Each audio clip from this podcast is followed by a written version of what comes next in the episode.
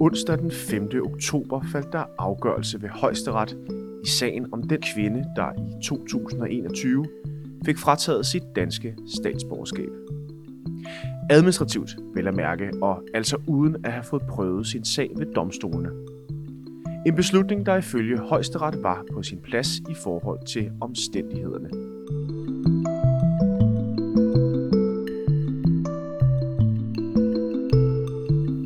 Men hvad er det egentlig for omstændigheder, som højesteret refererer til? Sagen om fratagelse af statsborgerskab taler ind i et større grænseland, hvor forholdet mellem nationale jurisdiktioner og international lov tørner sammen.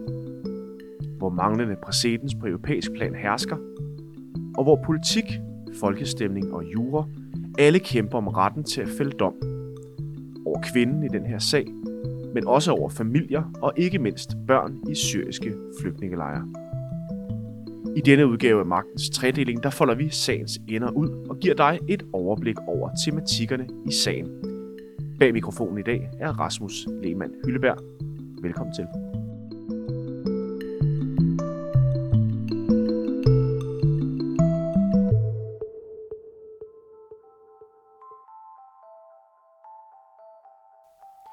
Den netop afsluttede sag ved højesteret finder sin begyndelse tilbage i 2019 nærmere bestemt ved en lov, der gjorde det muligt for regeringen at fratage fremmedkrigere med dobbelt statsborgerskab deres danske pas uden om domstolene. Den her lov er altså fundamentet for den sag, der netop har fundet sin afslutning ved højesteret. Her havde en syrisk kvinde fået frataget sit danske statsborgerskab, efter hun i 2014 rejste til Syrien for sammen med sin mand at tilslutte sig islamisk stat. Kvinden havde dobbelt statsborgerskab, det andet marokkansk. I 2021 fratog de danske myndigheder så kvinden hendes danske statsborgerskab. Begrundelsen lød, at kvinden, der frivilligt var taget til Syrien med sin mand, havde overtrådt straffelovens paragraf 114e, e. en del af terrorbestemmelsen, der i tale sætter ulovlighederne ved at fremme virksomheden for en person eller gruppe, der begår terrorhandlinger. Kvinden blev altså genstand for den skærpede indfødsretslov fra 2019. Og det fik kvinden til at anlægge sag ved de danske domstole.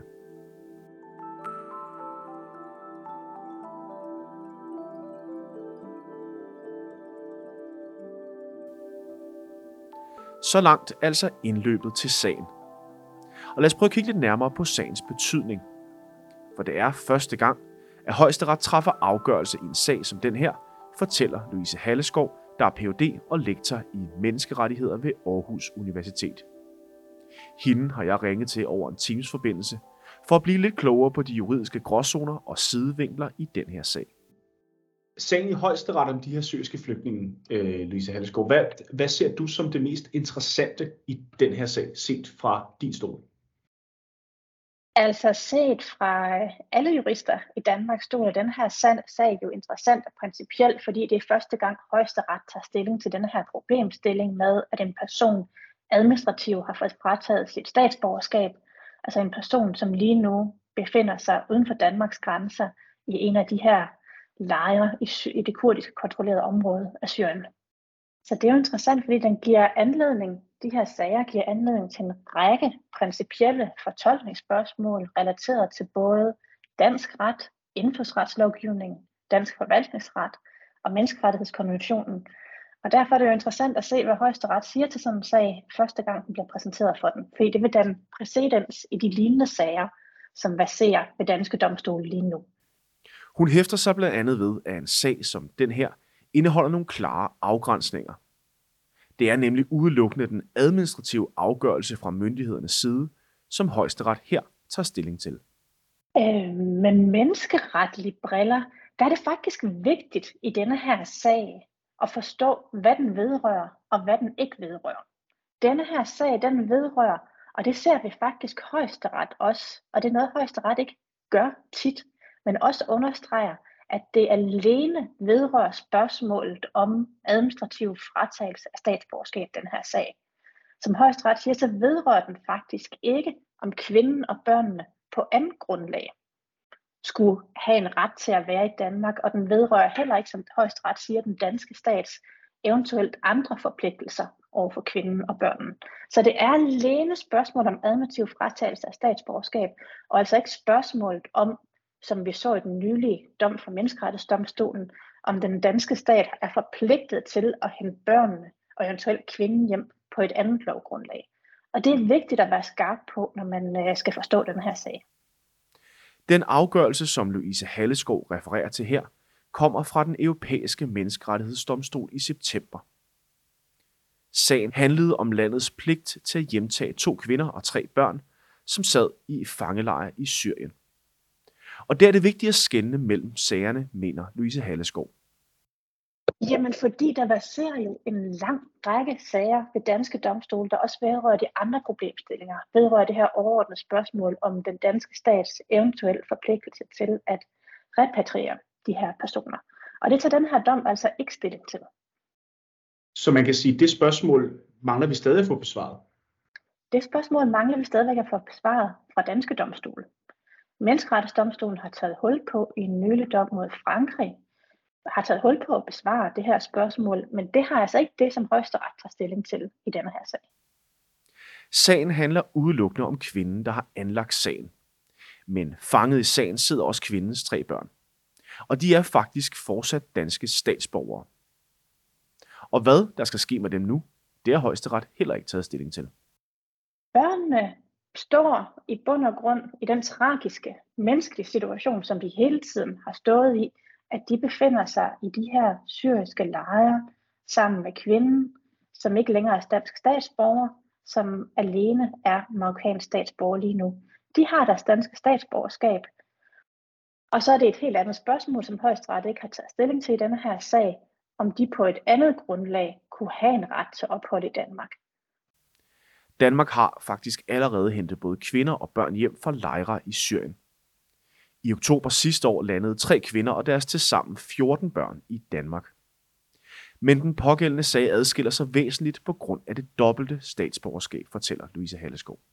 Jo, det er faktisk ret simpelt juridisk, fordi de kvinder, der er taget hjem med deres børn, er kvinder, som var danske statsborgere.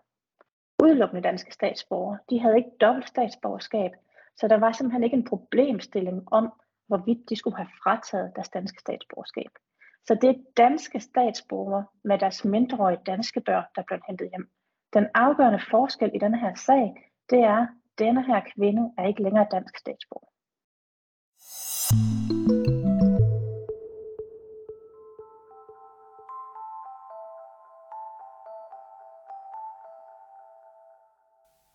Godt. Lad os lige prøve at zoome ud en gang. For spørgsmålet om hjemtagelse af kvinder og børn fra Syrien er ikke kun dansk hovedpine. Lande i hele Europa, og også uden for EU's grænser, slås lige nu med at få skabt retlige rammer for, hvordan man juridisk og politisk forholder sig til de kvinder, der er taget med deres ægtefæller ned for at kæmpe med islamisk stat. I Tyskland har man hentet en kvinde og hendes tre børn hjem. I Belgien har en domstol slået fast, at myndighederne skal gøre alt, hvad der står i deres magt, for at hente mødre og børn hjem. Og i Holland har højesteret helt afvist, at landet er forpligtet til spørgsmålet om at hente kvinderne og deres børn hjem. Og det skyldes, at der ikke er nogen internationale retlige rammer, der definerer, hvor snittet skal ligges, fortæller Lyse Halleskov. Det man skal huske jo, det er, at bare fordi menneskeretten ikke nødvendigvis i en sag som denne her siger, at staterne er forpligtet til at hente de her statsborgere hjem, så kan national ret, de enkelte stater, politikerne i de enkelte stater, sagtens beslutte sig til at gøre mere og sige, at efter den nationale ret er de så forpligtet i en sag som denne her til at hente, at hente personerne hjem. Øhm, vi har ikke, heller ikke den helt nye storkammerdom mod Frankrig om lige præcis det her spørgsmål. Den siger ikke, at Frankrig er forpligtet til, det er en lignende situation, øhm, med den afgørende forskel, at den vedrører en fransk kvinde og nogle franske børn. Og selv i den situation siger menneskerettighedsdomstolen, med udgangspunkt i en særlig bestemmelse i menneskerettighedskonventionen relateret til statsborgers ret til indfødelse, nej, statsborgers ret til indrejse. Der siger menneskerettighedsdomstolen, at man ikke har en generel forpligtelse til at repatriere, men at man skal sikre, at de her retssikkerhedsmæssige garantier, processuelle forpligtelser, er i agtaget i forbindelse med den nationale beslutning om at sige nej til at hjemtage personerne. Problematikken omkring hjemtagelse af både mødre og børn er en dagsorden, der fylder meget på tværs af det europæiske kontinent.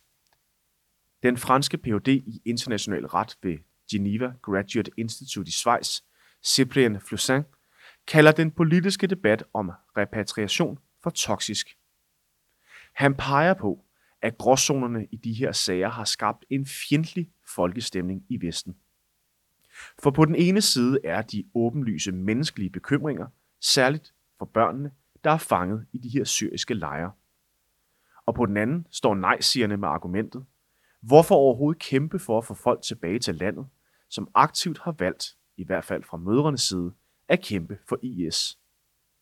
Og måske i samme ombæring risikerer at hente børn hjem, der måske allerede er radikaliseret, og dermed til fare for nationalstaternes sikkerhed. Cyprien Flossin henviser særligt til debatten i Frankrig, hvor tonen har været særlig skærpet efter flere terrorangreb. Og netop derfor understreger den aktuelle sag også en svær balance. For selvom den er barsk rent menneskeligt, så er højesterets afgørelse i den danske sag helt på sin plads rent juridisk, mener Louise Halleskov. For det første, de her personer, hvis vi skal være helt skarpe juridiske, så er der faktisk ikke tale om flygtninge. Flygtninge det er personer, der i deres hjemland er i risiko for forfølgelse. Det her det er personer, der frivilligt, den her kvinde frivilligt har valgt at udrejse af Danmark og tage ophold i Syrien. Men der er heller ikke menneskerettighedskonventionen, harmoniserer ikke lovgivningen i Europa. Menneskerettighedsdomstolen sætter bare nogle menneskeretlige grænser for, hvad enkelte, hvad hver enkelt stat kan gøre i nogle situationer. Så her har vi bare en situation, øh, hvor dansk ret, tysk ret, hollandsk ret kan være forskelligt på nogle principielle spørgsmål. Og det ser man som tit på mange retsområder. Det, der er særligt med denne her type sager, Øhm, det er jo, og der skal vi jo bare være helt ærlige, det er nogle sager, som vækker nogle følelser i os alle sammen. Rigtig mange af os synes, det er synd for de her børn og mødre, der sidder under de her helt forfærdelige vilkår i, i lejrene. Det, som højesteret blev bedt om at tage stilling til i den her sag, var bare, og bare det sagt med et juridisk udgangspunkt, alene hvorvidt denne her afgørelse om at fratage statsborgerskabet, den var i overensstemmelse med dansk ret og menneskerettighedskonventionen. Og det sagde de, den var. Øhm, og min bedste opfattelse er, at øh, højesterets afgørelse er i strid, nej, ikke er i strid, er i overensstemmelse med menneskerettighedskonventionens retspraksis, som den foreligger lige nu. Selvom den er hård, så er følger højesteret, og de foretager faktisk en grundig analyse af menneskerettighedsdomstolens afgørelser. Den mener jeg, den er korrekt, den analyse højesteret foretager. Og det er der også en tilbagevendende problematik, når man beskæftiger sig med menneskerettigheder, fortæller hun. Altså skismadet mellem det juridiske på den ene side, og så det mere moralske og følelsesmæssige på den anden. Men det er den her problemstilling, den, den, den, den taler jeg tit om, også når man arbejder med menneskeret og arbejder med de her udlændingeretlige problematikker. Der står man tit og kigger på sager, hvor mange personer synes, at det, der sker, det er synd eller urimeligt det er bare ikke nødvendigvis juridisk i strid med hverken national ret eller menneskeret. Og det man så skal være opmærksom på, både som jurist og som, i bund og grund som alle, alle borgere, det er, der er ikke bare fordi, at national ret eller menneskerettighedskonventionen ikke giver ret til ophold i en bestemt situation, så er der ikke noget som helst i vejen for, at de nationale politikere kan beslutte at gå videre. Det, der er den centrale pointe, det er bare, den juridiske bare kan være lavere i nogle situationer. Og den, er, den juridiske ramme i de her sager er relativt barsk, også fra menneskerettighedsdomstolens side. Det så vi også i den franske sag. Men der er ikke noget som helst i vejen for, at lande som for eksempel Danmark eller Frankrig, hvis man, der er en politisk holdning om, at det vil man gøre, går videre. Så øh, der er bare en forskel på, hvad jorden siger, og hvad man som måtte mene moralsk eller personligt i mange sager. Vi slutter lige af med dem, som sagen altså ikke handler om, nemlig børnene. For hvordan er de egentlig stillet nu, når moren ikke må få ophold i Danmark? Børnene? Altså hvis børnene troppede op i Danmark, altså jeg ved godt, det er en tænkt situation det her, indfandt sig ved den danske grænse, så vil de have ret til ophold i Danmark. Hvis børnene kommer ind i Danmark, kan der blive søgt om familiesammenføring med moren. Det er så en ny juridisk problemstilling om, hvorvidt danske myndigheder i sådan situationer til at, at, at, er forpligtet til at tillade familiesamføring. Men til dit, altså det enkle svar på dit spørgsmål, det er, at der ikke er et enkelt svar. Der, er, der, kan, der kan blive anlagt en sag, hvis ikke der allerede, det ved jeg ikke, om der gør den her sag, bliver anlagt en sag, hvor man kan prøve det her spørgsmål om børnenes ret til at blive repatrieret. Det er den mulighed, der er.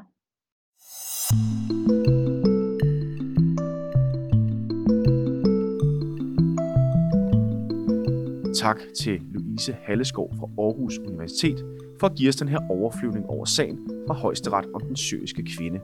Du kan finde mange flere episoder om juridiske problemstillinger, gråzoner og temaer via Magtens Tredeling i din foretrukne podcast-app. Og så kan du selvfølgelig altid læse mere på knews.dk. Mit navn det er Rasmus Lehmann Hylleberg. Tak fordi du lyttede med.